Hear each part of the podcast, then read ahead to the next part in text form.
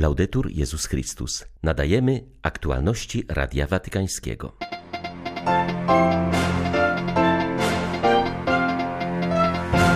Papież przyjął nowego polskiego ambasadora przy stolicy apostolskiej. Adam Kwiatkowski złożył listy uwierzytelniające.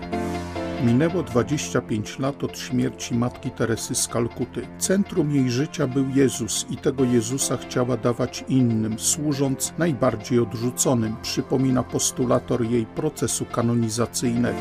Rosjanie wystrzelili już na Ukrainę 3,5 tysiąca rakiet. Podając te dane, arcybiskup Szewczuk podkreśla, że świat nie może przywyknąć do tej wojny. 5 września witają Państwa ksiądz Krzysztof Ołdakowski i Krzysztof Bronk. Zapraszamy na serwis informacyjny. Dzisiaj nowy ambasador Rzeczpospolitej Polskiej przy Stolicy Apostolskiej, Adam Kwiatkowski, złożył listy uwierzytelniające na ręce papieża Franciszka.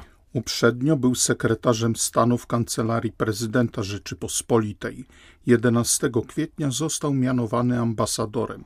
Goszcząc w Radiu Watykańskim, opowiedział o dzisiejszym spotkaniu z papieżem. To było bardzo miłe, ciepłe spotkania, jednocześnie możliwość rozmowy, w której mogłem odpowiedzieć na pewne wątpliwości Ojca Świętego, mogłem wysłuchać jego opinii na te najważniejsze tematy, które nas e, otaczają. Mogłem mu też e, przekazać ten punkt e, widzenia, który towarzyszy nam Polakom. Ojciec Święty interesuje się sytuacją w Polsce, wyraził głębokie uznanie i prosił, żeby też o tym mówić, że jest wdzięczny i że modli się za Polaków, e, za to, że tak wspaniale zachowali się w tym czasie, w którym wyciągnęliśmy rękę do naszych e, braci, do naszych sióstr z Ukrainy, którzy z powodu rosyjskiej agresji musieli opuścić swoje terytorium. Rozmawialiśmy o tym, jak wielu z nich jest w Polsce, a ja z dumą podkreślałem, że pomimo tego, że jest ich tak wielu, to po pierwsze staramy się ich wspierać, staramy się ich otaczać opieką, mają też e, możliwość e, podjęcia nauki, myślę o dzieciach, czy podjęcia pracy, myślę o ich głównie mamach. Prosił też o to, żeby wszystkich Polaków pozdrowić i prosił też o to, żeby bardzo podziękować za tą modlitwę, którą jest przez e, Polaków otoczony. Rozmawialiśmy też o kwestii wartości. Ojciec Święty mówił, że jest Polsce wdzięczny za to, że stoimy na straży wartości, że jesteśmy za ochroną życia, że wspieramy wspieramy też polską rodzinę. Mija 25 lat od śmierci założycielki misjonarek miłości, jednego z największych symboli oddania odrzuconemu człowiekowi i laureatki pokojowej Nagrody Nobla, która w 2016 roku została ogłoszona świętą. Z tej okazji papież przypomina, że matka Teresa mawiała: Być może nie znam ich języka, ale mogę się uśmiechnąć. Franciszek zachęca do niesienia w sercu jej uśmiechu i obdarzania nim tych, których spotykamy na naszej drodze, zwłaszcza cierpiących. Dziedzictwo świętej z Kalkuty jest wciąż wielkim wyzwaniem dla jej duchowych dzieci, mówi Radiu Watykańskiemu ksiądz Brian Kołodziejczuk, który pracował z matką Teresą ponad 20 lat i razem z nią założył wspólnotę braci, misjonarzy miłości, a po jej śmierci był postulatorem w jej procesie kanonizacyjnym. Kiedy patrzy się na całe jej życie, Matka Teresa wydaje się postacią niezwykłą i taka jest. Kto by zdobył się na założenie zgromadzenia z tysiącami zakonnic? Była świetnym administratorem zarządzającym, potrafiącym zorganizować wiele dzieł i sprawić, że to wszystko działa. To była naprawdę niezwykła rzecz. Mawiała: Nie próbuję odnieść sukcesu, staram się być wierna ale potem odniosła wielki sukces. Gdy kiedyś byliśmy w Rzymie, powiedziała, że ludzie lubią widzieć to jej zaangażowanie, mówiąc o sobie i uwadze, jaką otrzymywała. Wiedziała, że jest przykładem, ale nie zmieniło to jej. Myślę, że jedną z jej wielkich cnót była pokora, a jej na pewno towarzyszy miłość i wiara. Centrum jej życia był Jezus i tego Jezusa chciała dawać innym, służąc najbardziej odrzuconym. Dla mnie była jak matka i podobnie dla swoich sióstr i podopiecznych. W jednym z pierwszych listów jako przełożona napisała do arcybiskupa Kalkuty tytuł przełożonej generalnej nic dla mnie nie znaczy. Chcę być matką. Miała wielkie serce, serce matki. Każdy, kto choć raz ją spotkał, zaczynał potem nazywać ją matką. Była nią prawdziwie.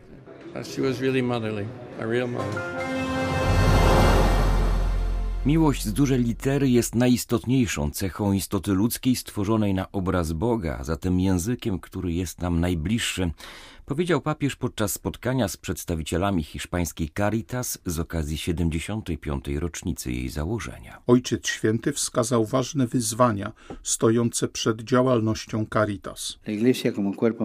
Kościół jako mistyczne ciało Chrystusa przedłuża swoje działanie w historii i dlatego Caritas proponuje siebie jako tę wyciągniętą rękę, która jest ręką Chrystusa, gdy ofiarujemy ją tym, którzy nas potrzebują, a jednocześnie pozwala nam trzymać się Chrystusa, gdy wzywa nas w cierpieniu naszych braci i sióstr. Nie zapominajmy, że jedynym momentem, w którym wolno nam patrzeć na człowieka z góry na dół, jest pomoc w podniesieniu się, a potem już nigdy więcej. Bycie kanałem należy rozumieć przede wszystkim jako tę możliwość, z której każdy powinien skorzystać, dokonania tego wyjątkowego i koniecznego doświadczenia, do którego zaprasza nas Pan, gdy mówi: Czy chcesz wiedzieć, kto jest Twoim bliźnim? Idź i ty czyń podobnie. Ojciec Święty zapewnia, że na przyszłoroczne Światowe Dni Młodzieży w Lizbonie na pewno przyjedzie papież. Nie jest pewny, czy to będzie on albo jakiś inny Jan XXIV, ale obiecuje, że w Lizbonie nie zabraknie papieża. Franciszek mówił o tym w wywiadzie dla portugalskiej stacji telewizyjnej. W całości zostanie on wyemitowany dziś wieczorem. Autorzy wywiadu ujawnili już niektóre z poruszanych tematów. Franciszek zapewnił m.in., że nadal pragnie odwiedzić Moskwę i Kijów. Problemy zdrowotne uniemożliwiają mu jednak podróżowanie. Po wizycie w Kanadzie wzmogły się problemy z kolanem i lekarze zakazali mu kolejnych podróży przed wizytą w Kazachstanie w połowie września. Franciszek zapewnił jednak, że robi wszystko, co możliwe, by zakończyć konflikt na Ukrainie. Zapytany o problem nadużyć seksualnych, wyraził zadowolenie, że proceder ten został już ujawniony w kościele. Podkreślił jednak, że na tym nie wolno poprzestać, bo do nadużyć względem nieletnich dochodzi w innych środowiskach i to w dużo większej mierze. Zdaniem papieża żyjemy dziś w kulturze nadużyć, czego świadectwem są choćby filmy pornograficzne. Franciszek podkreślił też, że tego problemu w żadnym wypadku nie wolno wiązać z celibatem, bo nadużycia mają też miejsce w środowiskach, środowiskach, gdzie nie ma celibatu. Według oficjalnych danych ukraińskiego rządu aż 3,5 tysiąca rakiet zostało już wystrzelonych w trakcie konfliktu zbrojnego w tym kraju. Do tej pory zginęło też 7 tysięcy cywilów, a 5,5 tysiąca raniono w wyniku bombardowań. Wczoraj Rosjanie ostrzelali różne miejscowości 14 rakietami i 15 atakami lotniczymi. Świat nie ma prawa przywyknąć do tej wojny, podkreślił w codziennym orędziu arcybiskup Światosław Szewczuk. Przypomniawszy nadzwyczajną agresywność napastników, czyniącą tę tragedię odkrytą raną ludzkości, hierarcha zaprosił do modlitwy, aby cały świat nauczył się takich działań, które powstrzymywałyby wszystkie konflikty zbrojne. Arcybiskup Szewczuk zwrócił się następnie do ukraińskiej młodzieży. Drodzy bracia i siostry, Dzisiaj właśnie na wasze ramiona spadł cały ciężar tej wojny. Właśnie ukraińska młodzież, dziewczyny i chłopcy bronią dzisiaj swojej ojczyzny. Dzisiaj wy wywalczacie prawo do istnienia dla wolnej, niezależnej Ukrainy. I dlatego dzisiaj troska o ukraińską młodzież znajduje się w centrum uwagi posługi duszpasterskiej naszego Kościoła. Każdego roku organizujemy dla Was w miesiącu wrześniu festiwal Wiatr Nadziei, bo tą nadzieją żyjemy i ona jest pierwszym owocem naszej wiary w Boga. Tego roku ten festiwal odbędzie się w Krakowie. Czekamy na Was wszystkich. Niech wiatr nadziei wypędzi z Ukrainy ducha wszelkiego wrogiego zamysłu. Niech wiatr nadziei da naszej młodzieży perspektywę nowego, wolnego życia w ich własnej ojczyźnie. Jessica Hanna jest matką czworga dzieci. Gdy była w ciąży z ostatnim, zdiagnozowano u niej raka piersi w fazie terminalnej. Lekarze doradzali jej aborcję, by mogła zawalczyć o własne życie. Odmówiła i wybrała leczenie niezagrażające noszonemu pod sercem dziecku. Po porodzie okazało się, że nowotwór się cofnął. Jej uzdrowienie zostało zgłoszone jako cud do kanonizacji błogosławionego brata Francisa Solanusa Caseya, przy którego grobie modliła się w swoim rodzinnym Detroit. Historię swojej choroby i cudownego uzdrowienia Jessica opowiada w mediach społecznościowych. Podkreśla, że w ostatniej ciąży Bóg powołał ją do czegoś wielkiego. Wcześniej była zadeklarowaną działaczką pro-life, jednak dopiero doświadczenie własnej choroby i troski o nienarodzone dziecko życiowo zweryfikowało i potwierdziło jej przekonania. W jednym ze świadectw wyznała, że łatwiej jest radzić kobiecie, której życie jest w niebezpieczeństwie, by nie dokonywała aborcji, niż samemu skonfrontować się z taką decyzją. Wyznaje, że inspiracją była dla niej święta Joanna Beretta Molla, u której też zdiagnozowano śmiertelną chorobę, gdy była w ciąży. Jessica nie zrezygnowała z walki o swe życie. Po konsultacjach z wieloma lekarzami wybrała takie leczenie, które nie zagrażało jej dziecku. Modliłam się o cudowne uzdrowienie dla mnie i o to, by syn urodził urodził się zdrowy, mówi w swoim świadectwie, podkreślając, że był to dla niej czas trwania pod krzyżem Chrystusa. Kobietom, które znajdują się w podobnej sytuacji, radzi, by zanim podejmą ostateczną decyzję, wysłuchały kilku niezależnych opinii lekarzy.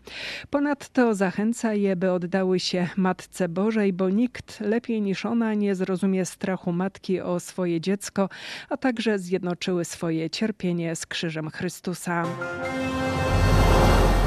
Jesteśmy głęboko zasmuceni, widząc, że wojna została wznowiona. Zbyt wielu ludzi już zginęło i zbyt wiele miejsc zostało zniszczonych. Największe rany zadano dzieciom, kobietom i osobom starszym. Napisał w komunikacie sekretariat konferencji Episkopatu Etiopii odnosząc się do walk w regionie Tigraj. Konflikt zbrojny w Etiopii wybuchł prawie dwa lata temu, gdy Tigrajczycy wystąpili przeciwko rządowi federalnemu. Stało się to na skutek marginalizacji środowiska politycznego pochodzącego z Tigraju, które przez wiele lat było główną siłą polityczną w Etiopii. Etiopscy biskupi podkreślają, że niedopuszczalne jest kontynuowanie tej wojny, przez którą szerzą się głód, nędza, traumy i choroby i która powoduje wysiedlenia niewinnych ludzi. Apelują również do stron konfliktu, aby złożyły broń i zdecydowały się na pokój, aby dały pierwszeństwo dialogowi i położyły kres cierpieniom obywateli. W porozumieniu z Międzyreligijną Radą Etiopii wzywają także do zjednoczenia się przez pięć dni, poście i modlitwie o pokój. Hucie Komorowskiej odbyły się 15 dni kardynała Adama Kozłowieckiego, upamiętniające działalność zmarłego w 2007 roku wybitnego misjonarza, który całe swoje życie oddał dla ewangelizacji Zambii. Obecny na nich arcybiskup Lusaki Aligbanda zapowiedział oficjalnie, że zostaną rozpoczęte starania o otwarcie procesu beatyfikacyjnego polskiego kardynała. Jak zauważa biskup Edward Frankowski, jest to postać ponadczasowa – z której dorobku możemy korzystać także dzisiaj. Przeszedł przez obóz koncentracyjny w Dachau, gdzie było deptanie godności człowieka każdego. Człowiek tam nic nie znaczył, jak śmieć był traktowany, a on, mając takie doświadczenie, tak zdeptany, tak sponiewierany, chciał Panu Bogu zadośćuczynić za to, co przeżył w Dachau. Także prawie, że natychmiast zgłosił się do pracy misyjnej w Zambii, gdzie pojechał do ludzi najbardziej biednych, pozbawionych warunków życia. No i, i 61 lat poświęcił się dla nich do śmierci. Były to aktualności Radia Watykańskiego. Laudetur Jezus Chrystus.